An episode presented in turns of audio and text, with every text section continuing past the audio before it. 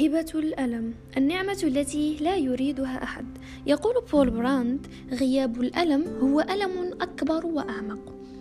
الألم الذي نخاف منه ونصارعه في كل مرة يزورنا فيها. قد انحفرت وسجلت صورته في أذهاننا بأنه عدو يجب محاربته وعدم تقبله في كل مرة. فمثلا لو كان هناك ألم حسي في جسدك ينبهك أن مكان هذا الألم فيه مرض عليك معالجته حتى تتعافى منه.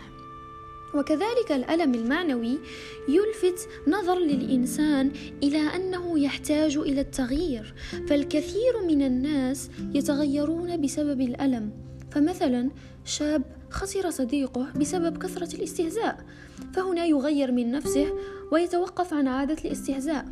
ورجل آخر تم رفضه في عمله بسبب عدم انضباطه فبدأ في تنظيم وقته بسبب رفضه. وأخرى خسرت شريك الحياة لأنها عصبية جدا ولا تتحمل المسؤولية أبدا وبعدها بدأت في تحسين شخصيتها.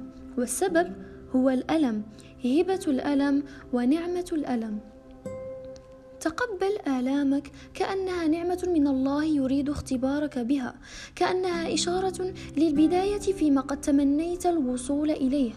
لا تتجاهل آلامك وتقول: أنا قوي على أن أتألم، أو أنا رجل لن أتألم. لا، كلنا نمر بلحظات عويصة نفقد فيها الأمل ونحضن فيها الألم. لكن ليس كلنا نرى الألم بنفس النظرة. البعض يبالغ في ردة فعله تجاه آلامه لدرجة الاكتئاب والفشل والإحباط. لا تتمادى في إغلاق عينيك خوفا من الألم فقد تمر عليك لحظة سعيدة فلا تراها. وهناك البعض الآخر قد جعل الألم مكسبا له وفرصة للخوض في رحلة الألف ميل.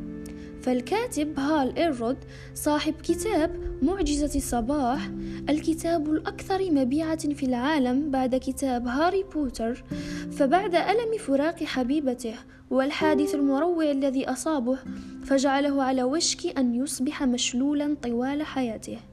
فلولا ذلك الألم لما أصبح ما هو عليه الآن. فقد كان الألم نقطة بداية قصة نجاح أي إنسان والكثير من قصص النجاح لعظماء أصابتهم خيبات ما قبل الانتصار.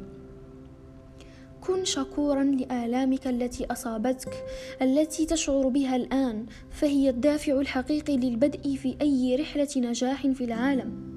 فاستبعاد الألم هو استبعاد للحياة بحد ذاته لأنك لن تعرف للحياة معنى إذا لم تلقاك مصاعب تتخللها آلام فتكون كعبر تبني لك طريق النجاح.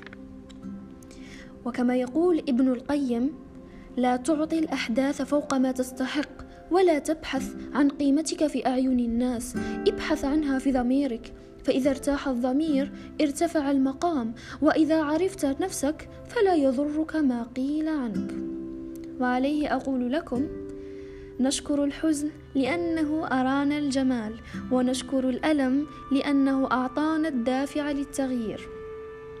تخلص من هشاشة روحك وعيش آلامك لتحقق أحلامك. وشكرا على حسن الإصغاء.